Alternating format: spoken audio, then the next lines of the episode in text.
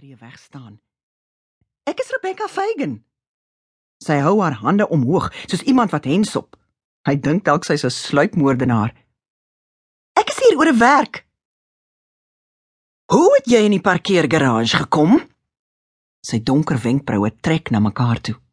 Die man agter hom beweeg blitsvinnig tot langs Julian. Dit was nie moeilik nie. Julle sekuriteit is nie so goed nie. Sy wag nie vir hom om kommentaar daarop te lewer nie. Verneem jou persoonlike assistent of wat jy hom ook al noem, moes weens gesondheidsprobleme bedank. Ek stel in die pos belang. Ek het 'n regsgraad.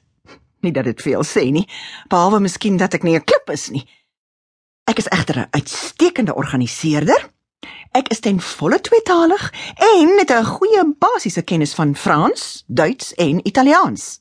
Ek het nie 'n man of kinders nie en kan lang ure werk. Sy raak in haar lang donker hare wat styl teen haar rug afhang. Ek gaan nie elke week haar kapper toe nie en gaan jou nie belas met allerlei persoonlike probleme en praatjies nie. Ek sien nie 'n sielkundige nie.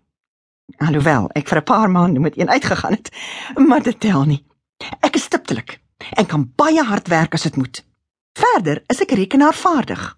Maar ek gaan nie jou briewe tik nie. Ek gaan ook nie jou klere na die wassery neem of vir jou tee en koffie maak nie.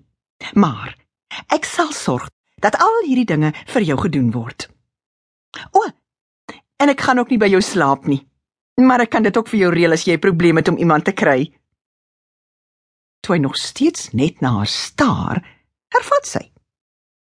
Ek ken min of meer al die gewone vloekwoorde en dan miskien ook 'n paar waarvan jy nog nie gehoor het nie. So, ek kry gewoonlik dinge gedoen.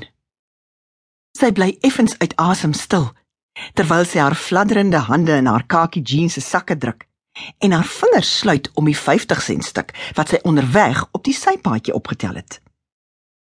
Juffrou, jy mag nie hier wees nie. Die ouer man se stem is dringend.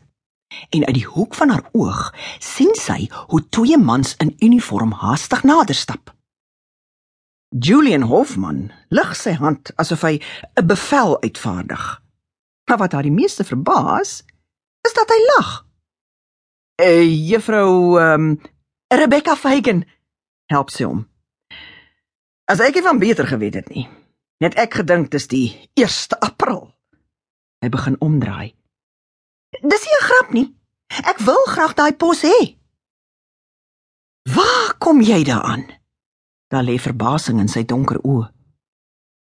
Ek was seker maar net op die regte tyd op die regte plek. Iemand ken gewoonlik iemand anders wat weer iemand ken wat inligting het. Die sekuriteitsmense staan nou weerskante van hom. Maar sy hand is nog effens gelig. Sy wonder wat sal gebeur as hy sy hand laat sak. Miskien reageer hulle soos waghonde en wag hulle net vir die teken voordat hulle haar verskeur. Hulle lyk dreigend genoeg. Julian skud steeds lagend sy kop. Verskoon my verbasing. Maar hierdie is 'n nuwe ervaring vir my. Ek stel gewoonlik nie mense van die straat af aan nie. En wat laat jou in elk geval dink jy kan die werk doen? 'n Assistent, blye assistent? Of dit vir 'n kok of vir 'n klerk is? Dit bly die persoon wat moet sorg dat die vuilwerk gedoen word en dat die baas se hande skoon bly. Rebecca hou hom stipdop. Sy weet nie of dit uit vrees is dat hy iets onverwags kan doen nie en of sy net voorberei daarop wil wees as hy dalk sy hand sou laat sak en die waghonde op haar loslaat. Terwyl sy na hom kyk, besef sy die glimlag om sy mond weerspreek eintlik 'n baie berekenende blik in die donker oë. Dis soos 'n golaar wat jou aandag verdeel. Juffrou uh Fagan onthou hierdie keer daarvan. Ek waardeer jou aanbod. Maar ek het nog nooit iemand nodig gehad om my hande skoon te hou nie. Hy draai na die agterdeur van die Mercedes.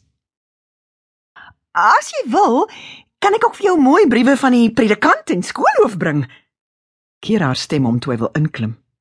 Maar ek gaan nie jou intelligensie so onderskat nie. Ons albei weet wat daai papiere beteken.